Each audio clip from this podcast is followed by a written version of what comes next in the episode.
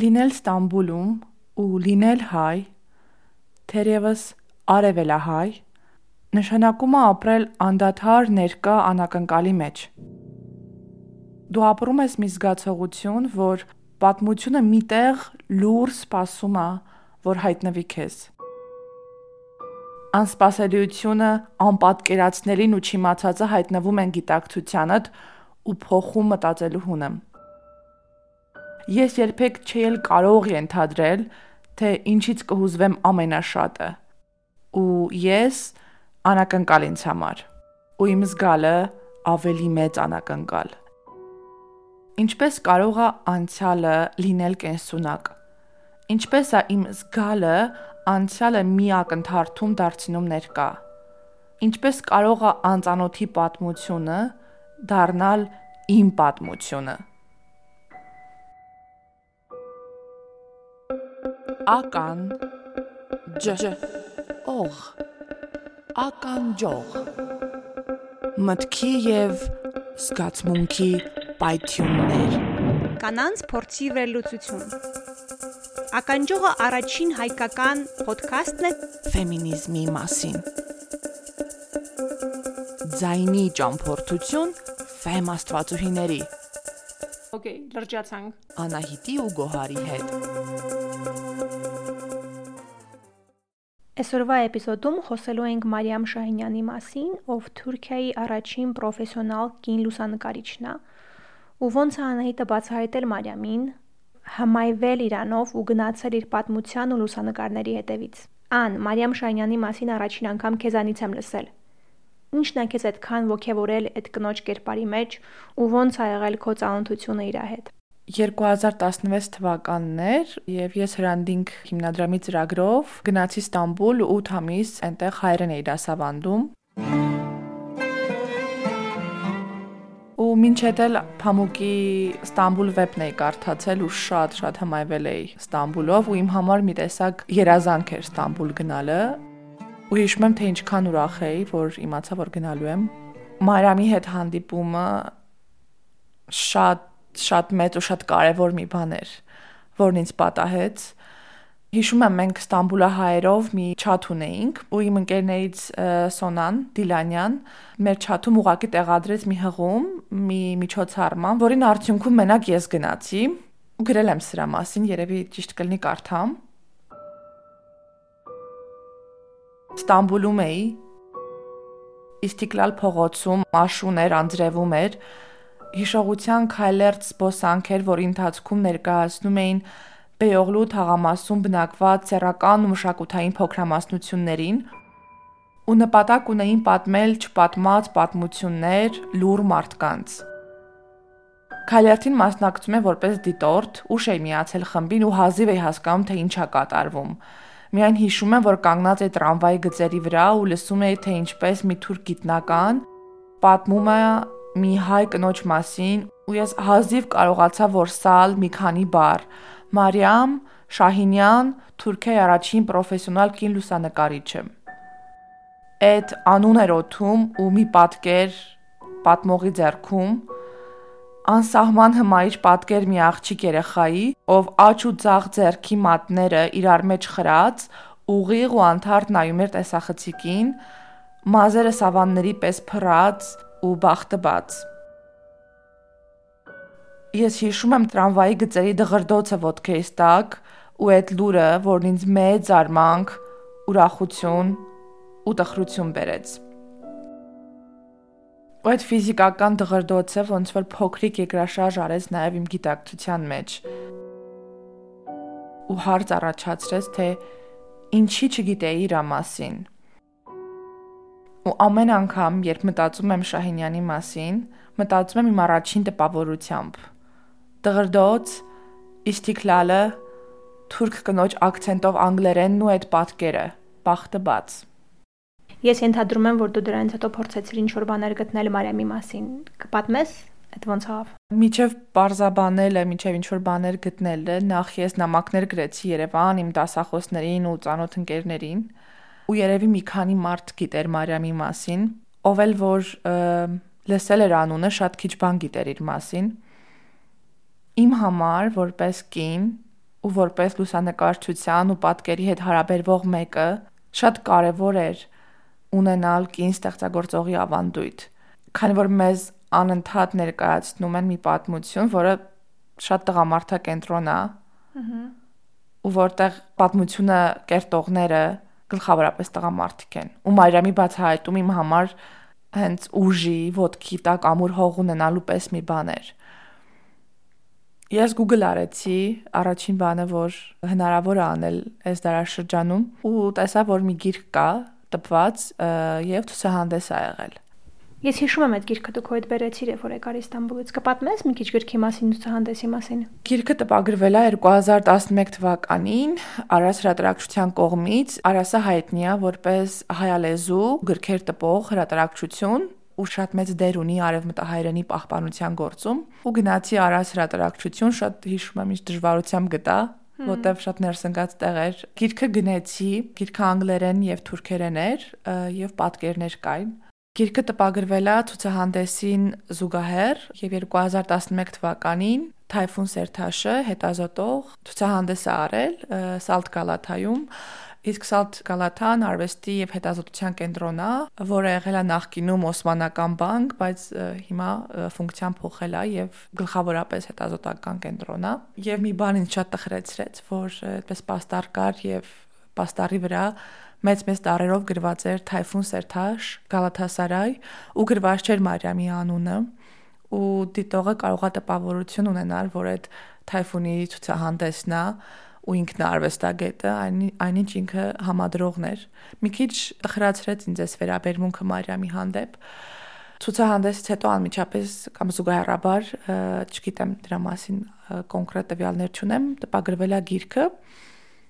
Ուրա գիրքը։ Հեսա։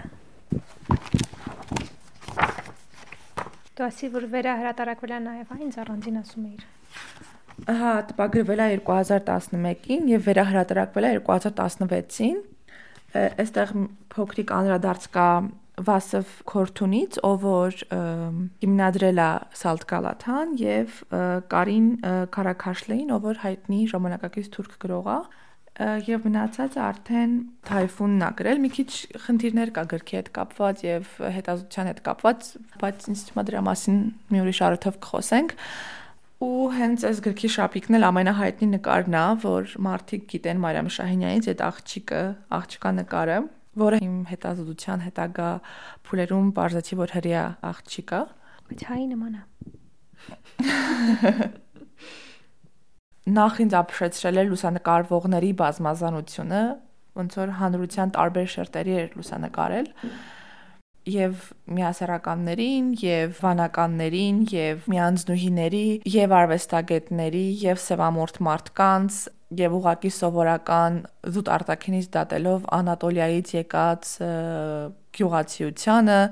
ու հետո շատ կարեւոր էր իմ համար լուսանկարելու ձևը Ինչ նկատի ունես։ Երբ որ նայում ես լուսանկարներին, դու հասկանում ես, որ այս լուսանկարիչը ուրիշ տեսողություն է ունեցել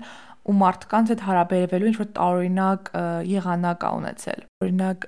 ինքը մի լուսանկար ունի համբուրվող զույգա, երկու տղամարդ, եւ իմ համար շատ տարօրինակ էր ինքը ոնց է կարողացել ստեղծի ինտիմության այդ մտնոլորտը, որ մարդիկ այդքան ազատ զգան իր մոտ ու տպավորությունը որ չկա ինքը այնտեղ ոնց որ դու կանգնած նայում ես իսկապես նայում ես երկու համբուրվող մարդու ինձ թվում է այդ միջավայր ստեղծել եթե ցանկություն առաջացավ թերթելու ալբոմը ու ծանոթանալու Մարիամի լուսանկարներին բայց ձեզ բախտ չի վիճակվել լինել Անահիտի տանը ապա կարող եք այցելել Միրզոյան գրադարան որտեղ ֆոտոյի մասին շատ այլ գրքերի թվում կա Մարիամի ֆոտո Գալաթասարայ ալբոմը ինձ թվում է որ շատ կարևոր է թայֆոնի հետ հանդիպելը Եվ շատ երկար մտածում եմ թե ոնց գրեմ իրան նամակ, ոնց ներկայանամ, ես ով եմ, ինչ եմ անում, ինչ եմ ուզում։ Եվ մարտի 8-ի երթի ժամանակ պատահաբար իրան տեսա, ինչև այդ արդեն Facebook-ով գտել ավելացրել էի։ Ու տեսա, հա, հետո։ Ու մարտի 8-ի երթը Ստամբուլում անասելի մեծ է, ինձ թվում է աշխարհում մարտի 8-ի ամենամեծ երթերից մեկն է ու շատ կարևոր իրադարձություն է այնտեղ։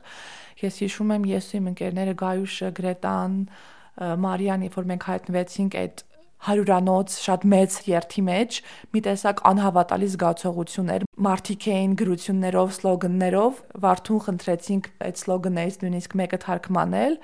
ու շատ տպավորվել է այս մեկը, ասում է շատ են դե կնոջը ասում որ կինը ծաղիկ է եւ այլն ու այսպեսին էր սլոգանը կինը կին է ծաղիկը հերդ է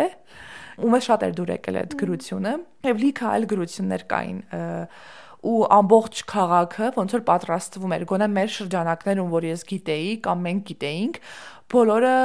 նկարում էին, պաստառներ էին գրում, պլակատներ էին գրում եւ իրանց համար կարեւոր էր որ երեկոյան պետքա լինի այդ մեծ երթը ու այդ բազմամարդ ոնց է այո այդ բազմամարդ երթի մեջ տեսա թայֆունին ու հաջորդ օր եկա գրեցի որ ես ձեզ տեսա շատ ուրախ եմ որ դուք եք այնտեղ ես Երևանից եմ եկել հետաքրքրվում եմ Մարիամ Շահինյանի արխիվով Բասի որ տեսար չմոտացար չխոսեցիր այդ Չէ հա ու իրան հետո նամակ գրեցի ու ասացի ուզում եմ որ հանդիպենք ինչ այդ փորձել էի հրանդինք հիմնադրամից ինչ որ օգնություն խնդրելում կարող եմ դիմել կամ իմ տարբեր ծանոթներին հերային Բույուկ Թայշչյանով որ շատ հայտնի արվեստագետ է եւ Իրան էի հանդիպել մի խոսքով բոլորն ասում են որ կարելի է խոսալ թայֆունի հետ ու հանդիպեցի թայֆունին շատ ողջավորված էի որ ինքը այն մարդն է որ Մարիամ Շահինյանի արխիվով ազբաղվել ու ես այն շատ ողջավորված գնացի ու իմ այդ ողջավորվածությունը մի րոպեում հոդս ցնդեց, երբ որ առաջին բանը, երբ որ ինձ հարցրեց թայֆունը, ասաց կա ինչ որ մեկը Հայաստանում ով հետաքրքրված այդ արխիվը գնելով ու ես սենց զարմացա որ ինքը առաջին բանը որ ինձ ուզում է պատմի Մարիամի մասին էտա ու հետո էլ չհանդիպեցի թայֆունին ես մտածում եմ որ գուցե կարելի լինի այդ արխիվը բերել Հայաստան կամ կամ ցուցահանդեսը բերել Հայաստան եւ առաջարկեցի օգնությունը, ասի որ ամեն ինչով կօգնեմ, կաջակցեմ, կապեր կստեղծեմ, բոլոր հետ կծանոթացնեմ, բայց այդպես էլ ոչ մի բան դուրս չեկավ ու այս ամբողջ պատմության մեջ ցավալին այնա որ Մարիամի ամբողջ արխիվի ընդամենը մի մասն է թվայնացված 70%-ն է թվայնացված, այսինքն 30%-ը թվայնացված չի, որովհետև ապակե նեգատիվներ են, որոնք փոշոտվել են, կեղտոտվել են եւ թվայնացված արխիվի մի մասն է, որը գրքում կա, ալբոմում կա, իսկ մնացած մասը անհայտ է հետազոտողներին, հետաքրքրված անձանց եւ գտնվում է թայֆունի տիրապետության թայֆունի մոտ է։ Ինքը ուզում այդ վաճառել։ Եվ ինքը ուզում այդ վաճառել եւ որպես հետազոտող ես չեմ կարող օգտվել այդ արխիվից ինչ որ բարդ հարաբերությունը թե ում մոտ է գտնվում արխիվը արխիվը գտել է Արաս հրատարակչության տնորեն Եդվարդ Թոմասյանը բայց հիմա կարծես իր մոտ չի մի խոսքով Իսկ ի՞նչ է մեզ հայտնի Մարիամի կյանքից մենք ինչ գիտենք իր մասին Մարիամը ծնվել է 1911 թվականին Թուրքիայի Սեբաստիա քաղաքում շատ հարուստ ու ապահով ընտանիքում։ Իր պապիկը հայտնի Հակոբ Շահինյան Փաշան է, որ 1877 թվականի Օսմանյան խորհրդարանում եղել է երեսփոխան, падգամավոր ու շատ հարուստ են եղել, զբաղվել են հացահատիկի ու խոշոր եղջերավոր անասունների առևտրով, պաշտոնապես ունեցել են 30 գյուղ, ալրաղացներ, մեծ ֆերմաներ ու իր պապիկը ամուսնացել է 3 անգամ, ունեցել է 10 երեխա, ու Մարիամի հայրը Միհրանն է ու մայրը Տիգրանուհին։ Մարիամ ունեցել է 3 քույր եւ 3 եղբայր ու ընդհանուր թվով ընտանիքում եղել է 7 երեխա, բոլորը ծնվել են Սեբաստիայում այն ժամանակ ասում են Սիվաս 1915 թվականին ամենաարյունալի տեղերից մեկն է եղել Սիվասը ու Շահինյանի ընտանիքը փրկվել է падգամավոր Պապի հեղինակության շնորհիվ, ու հետո Մայրամենք տեղափոխվել են Ստամբուլ, ու Մայրամի հոր, այդպես բուրժուական հոբին դարձել է գումար վաստակելու միջոց ու հետագայում Մարիամը կրթությունը կիսատա թողել եւ հորնա օգնել, որպեսզի ընտանիքի հոգսը կիսի ու այդպես ինքը աշխատել է եղբայրներին կրթությանը տվել եւ ինքը երազել է բժշկուհի դառնալ, բայց նյութական միջոցները թույլ չեն տվել, որ ինքը իրեն, որ ինքը գնա իր երազանքի հետևից ու այդպես սկսել է լուսանկարել 1935 թվականին ու մի քանի տարի հետո միանձնյա ղեկավարել է ամբողջ լուսանկարչատունը եւ շուրջ 50 տարի 1935-ից մինչեւ 1985 թվականը լուսանկարել է անդադար ամեն օրով նույնիսկ շաբաթ-կիրակի օրերին աշխատել է, որովհետեւ այդ ժամանակ լուսանկարում էր հարսանիքներ, կնունքներ։ Ինքը միայն իր ստուդիայում չէ նկարել։ Հա, ինքը տաղավարային լուսանկարիչ ա եղել եւ եթե մենք տեսնում ենք օրինակ Արա Գյուլերի Ստամբուլը, ինչպիսին է, ոնց է անցալել Գյուլերը, մենք չունենք այդ հնարավորությունը տեսնելու Մարիամ Շահինյանի լուսանկարները տաղավարից դուրս։ Ժամանակակիցներ են եղել իրանք Արա Գյուլերի հետ։ Նույն ժամանակաշրջանում են ստեղծագործել։ Արա Գյուլերը ծնվել է 28 թվականին, այսինքն ինչքան անում տարբերությունը։ 17 տարի։ 17 տարի, հա, այդ ժամանակաշրջանում մոտավորապես նույն ժամանակահատվածում ստեղծագործել է նաև մեկ ուրիշ Օլսահայ լուսանկարիչ, Օսեփ Մինասօղլուն, Օսեփ Մինասյանը, բայց հա մենք գիտենք մեր շատ հայտնի Արագյուլեի լուսանկարները դրսում արված, ինչպիսին էր արտաքին կյանքը Ստամբուլում, նավահանգիստներ, ցկնորսներ եւ այլն, բայց Մարիամի մոտ փակ տարածքում էր կատարվում էր լուսանկարման գործընթացը, որովհետեւ Մարիամ Շահինյանը լուսանկարել է շատ մեծ լուսանկարչական սարքով, որը առաջին համաշխարհային պատերազմից հետո արտադրված սարք էր։ Լուսանկարել է միայն սև ու սպիտակ, իհարկե դարչնագույն երանգուն էր իր ասև ու սպիտակ լուսանկարները։ Մի հարց տամելի, իսկ ինչի է կարևոր քո համար Մարիամի լուսանկարչությունը ու Մարիամը ընդհանրապես։ Երբ առաջին անգամ իր մասին լսեցի, ես ուղակի սիրահարվեցի իրան։ Ոնց որ դարձավ իմ կյանքի գործը, իմ կյանքի մի մասը, չգիտեմ, շատ կարևոր մեկը, որ ուզում եմ ամեն ինչ իմանամ իր մասին, ոնց է ապրել, ինչ է արել, ինչ է զգացել, որտեվ շատ հուզվեցի, շատ հուզվեցի, որ այդքան այդքան տաղանդավոր ա եղել, այդքան նվիրյալ նվիրյալ ա եղել եւ չգիտենք իր մասին։ Ինձ թվում է մեծ բան ա լինել Թուրքիայի առաջին պրոֆեսիոնալ կին լուսանկարիչը։ Ոնց որ անարդար բան կա, որ չգիտենք իրան։ Հա, անարդար, ոնց որ չգնահատենք։ Ոնց որ հնարավորություն ունենք տեսնելու կնոջ հայացքը ոնց է այն ժամանակ, ոնց որ ունենանք օրինակ, որ մի միջավայրում, որը գլխավորապես տղամարդակենտրոն է, հնարավոր է ոնց որ կոտրել այդ սահմանը ու սկսել ինքը լուսանկարել է որովհետև գումար է պետք եղել աշխատել, բայց դրա արդյունքում մենք ունենք պատկերներ, որ կինն է տեսել, որ իր հայացք, իր հարաբերությունը հասարակության հետ։ Մենք ունենք կանանց լուսանկարներ, ովքեր իրանց ներքնազգեստներով են եւ մենք ունենք հնարավորություն տեսնելու թե ինչ հայացքով են նայել այդ կանայքը ոնց են նստել ինչ են հագել մենք ունեցել ենք տեսնելու կնոջ ով որ ազատ ա եղել ցուցադրելու իր իրան իր մարմինը հենց կնոջ առաջ առանց տղամարդու գնահատողական հայացքի որովհետեւ Գուցե եւ հնարավոր էր, որ տղամարդու մոտ գնային կանայք եւ լուսանկարվեին եւ Մինասօղլուի մոտ կան կիսամեր կանայք, բայց դա ուրիշ հայացք է։ Ես հիշում եմ, երբ որ ես առաջին անգամ իրան բացահայտեցի, շատ զարմացա, որ ոնց է որ իրան չգիտեն, ինչի չգիտեն իրանց, ախր սենց ֆանտաստիկ դեմք է, սենց հետաքրքիր լուսանկարներ ունի, սենց հետաքրքիր կինա։ Ահրելի ուժապետք, չգիտեմ, 50 տարի անդադ նույն բանը անել։ Հնարավոր չի անել 50 տարի անդադ նույն բանը ու չսիրել այդ։ Ես վստահ եմ, որ ինքը սիրել է այդ գործը։ Ինքը շատ է սիրել։ Ոնց որ այդ հաստատ հնարավոր էր, որ ինքը փոխեր ուրիշ բան աներ։ Բայց չի արել, այդ է արել։ Ես հիշում եմ, որ դու Իստանբուլից ինձ ինձ նկարներ էիր ուղարկում անդադ Մարիամի նկարած ու մի օր էլ մի վիդեո ուղարկեցիր, թե ոնց էիր գնացել Մարիամի գերեզմանոց։ Ահա որ մեծ հարազատություն եմ զգում ու հարազատություն է զգում Մարիամի հանդեպ ու փորձում է հնարավոր ամեն բան գտնել։ Հիշում թե ինչքան մարդու եմ նամակ գրել, ինչքան մարդու հետ եմ Իրանից խոսել։ Ու երբ իմացա, որ ինքը թաղված է Ստամբուլի Շիշլի հայկական գերեզմանատանը, որոշեցի անպայման գնալ մինչև Հայաստան վերադառնալս ու գրառում եմ արել Facebook-ում սրա մասին Մի օր զանգում եմ Արտին, իսկ Արտին նույն ծրագրով Թուրքիայում գտնվող իմ ընկերներից մեկն էր։ Զանգում եմ Արտին, թե բա արի գնանք գերեզմանոց։ Շիշլի հայկական։ Ինքը մի ձեռ առնելու բան է ասում, բայց համաձայնում է։ Գնում ենք։ Ծաղիկ եմ փնտրում։ Արտին էլ ձեռը առում, թե բա ինչ ծաղիկ, խի։ Բայց առնում եմ։ Ծաղիկները տալիս եմ Արտի ձեռը։ Իդեպ ինքը այդ օրը կոստ էր հակել ինչն իմ աչքին շատ սիրուն էր։ Գնում ենք, ես երկար մատյանի մեջ փնտրում եմ Մարիամ Շահինյանի անունը, խոսում եմ աշխատողների հետ, ցուցադրում եմ արևմտահայերենի իմ իմացությունը, հասցեն դուրս են գրում,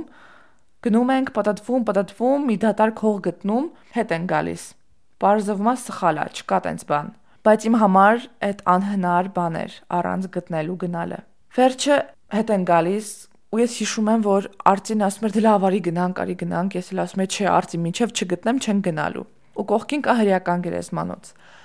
Մենք այս ծաղիկներով սենց գնում ենք հրեական գերեզմանոց։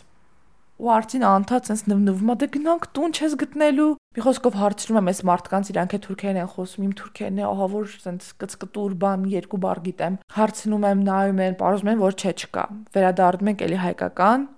այս մարդկանց ասում եմ, չէ, ես պետքա գտնեմ այդ գերեզմանոցը ու parzվում է որ գրված է այդ գրանցամատյանում ոչ թե Մարիամ Շահինյան, այլ Շահինօղլու գերեզմանոցը շատ մեծ է ու ոնց որ քաղաք լինի ու մեզ տենց փոքրիկ մեքենայի կով կիսա մոտոցիկլետա նման, չգիտեմ, sense մի հատ մեքենայի կա, որով ես ու Արթուրը նստում ենք ու մեզ տանում են։ Երևի մի 10 րոպե տենց տանում է այդ մեքենան ու այդ մարդին ասում է հասանք, էսա, այդ հասցեն ու ես այնց հուզված գորգորում եմ այնտեղ ասում վայ գտանք Մարիամ բան ու այդ մարդը այնց հարցնում ասում է ինքը քեզ բարեկամ է քո ինչն է ըմ ու մի քիչ դժվար է այդ հարցին պատասխանել ինքը իմ ինչն է ինքը իմ իմ համար շատ կարևոր մարդ է շատ կարևոր կին է ու այս ծաղիկները դնում եմ խոսում եմ մի քիչ իր հետ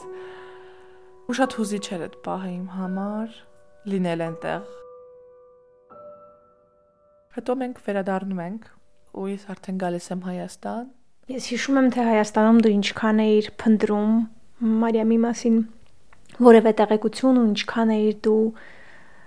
բարկանում, ջոյնանում, հուսահատվում ու Facebook-ում նույնիսկ գրել ես դրա մասին, ինձ լավ հիշում եմ այդ օրը, որ գրեցիր։ Կկարդաս այդ։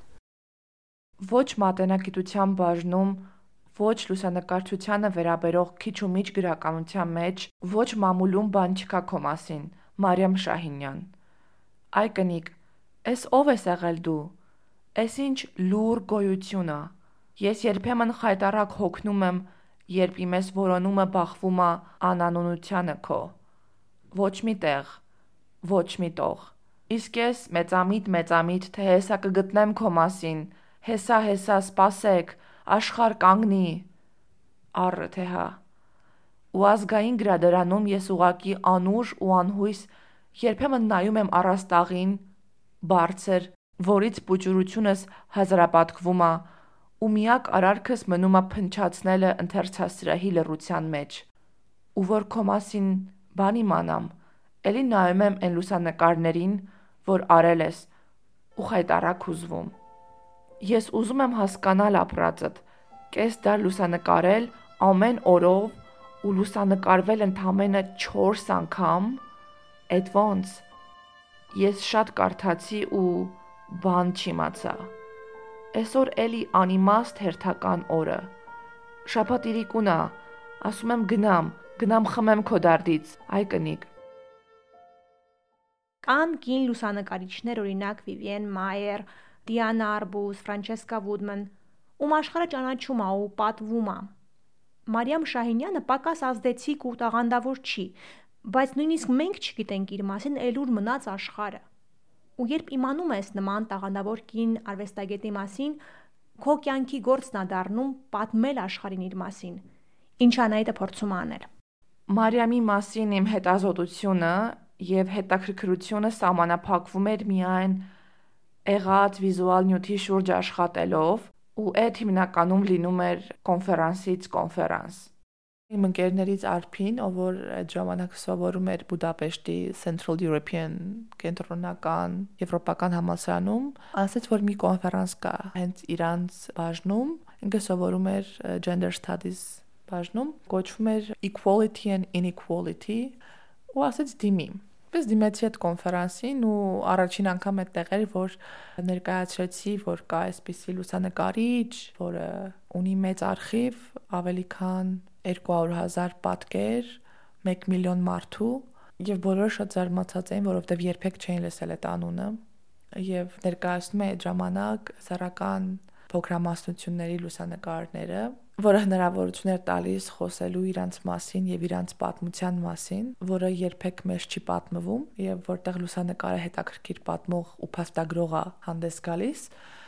ու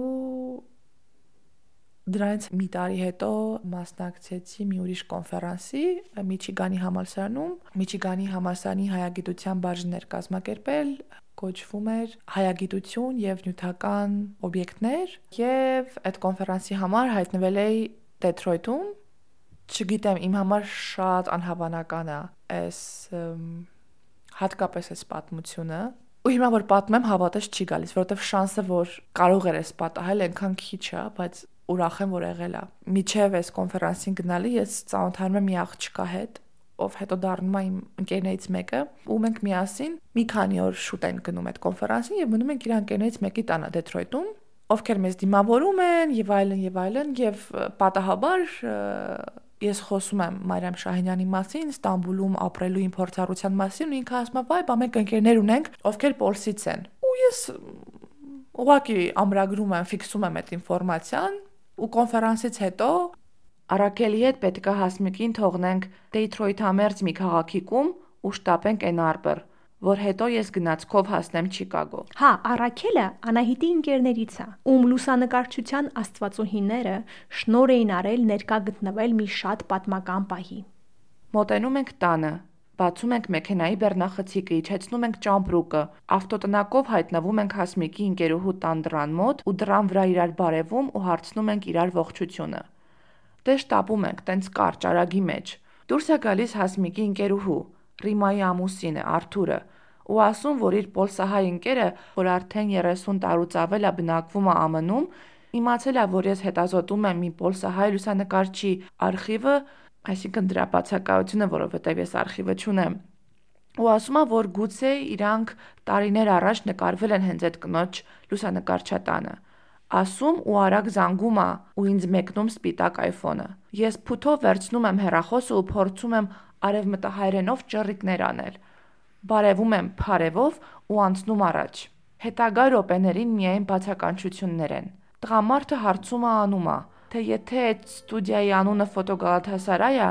միայն այդ դեպքում մենք խոսում ենք նույն լուսանկարչատան մասին, որտեղ իր մայրը իրեն ամեն տարի տարել է լուսանկարվելու։ Ես բացականչությամբ հաստատում եմ, որ այո, այո, նա շարունակում է ու ասում, որ իրենց տանը կան լուսանկարներ ու եթե ես սպասեմ, ինքը մեքենայով կմոտեցնի դրանք։ Սա շատ մեծ նվեր ու միաժամանակ մեծ դաշնություն էր իմ հանդեպ։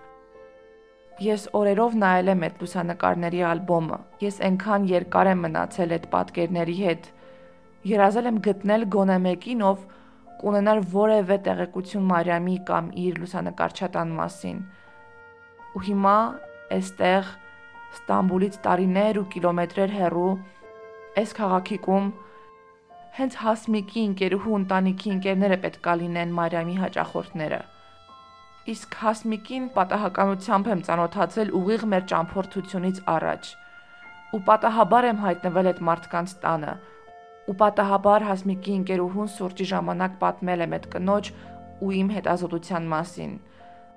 Ու սենց ես իմում կողմից փարահեղորեն գծված ու պլանավորված պատահականությունների շարանով Ես իմանում եմ այդ մասին։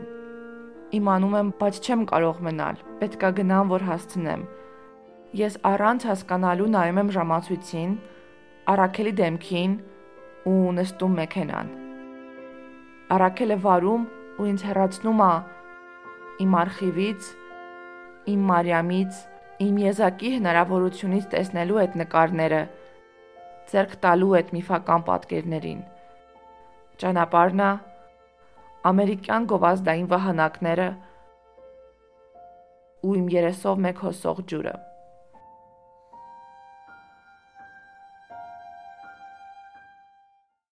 Անահիտի ընկերուհի Հասմիկը Անահիտի խնդրանք հորդորով հանդիպեց այդ մարդուն, զրուցեց իր հետ ու լուսանկարեց Մարիամի արած բոլոր լուսանկարները։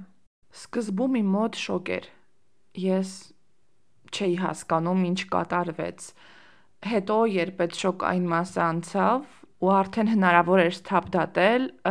հասկացա, որ եթե կա մի հոգի, Էնել Ամերիկայում, ով լուսանկարվել է Մարիամի ստուդիայում, ունի լուսանկարներ, ունի հիշողություններ Մարիամից, նշանակում է, որ կան նաև շատ ուրիշներ, որ պետք է գնալ Ստամբուլ ու գտնել այդ մարդկանց։ Ու գնացի։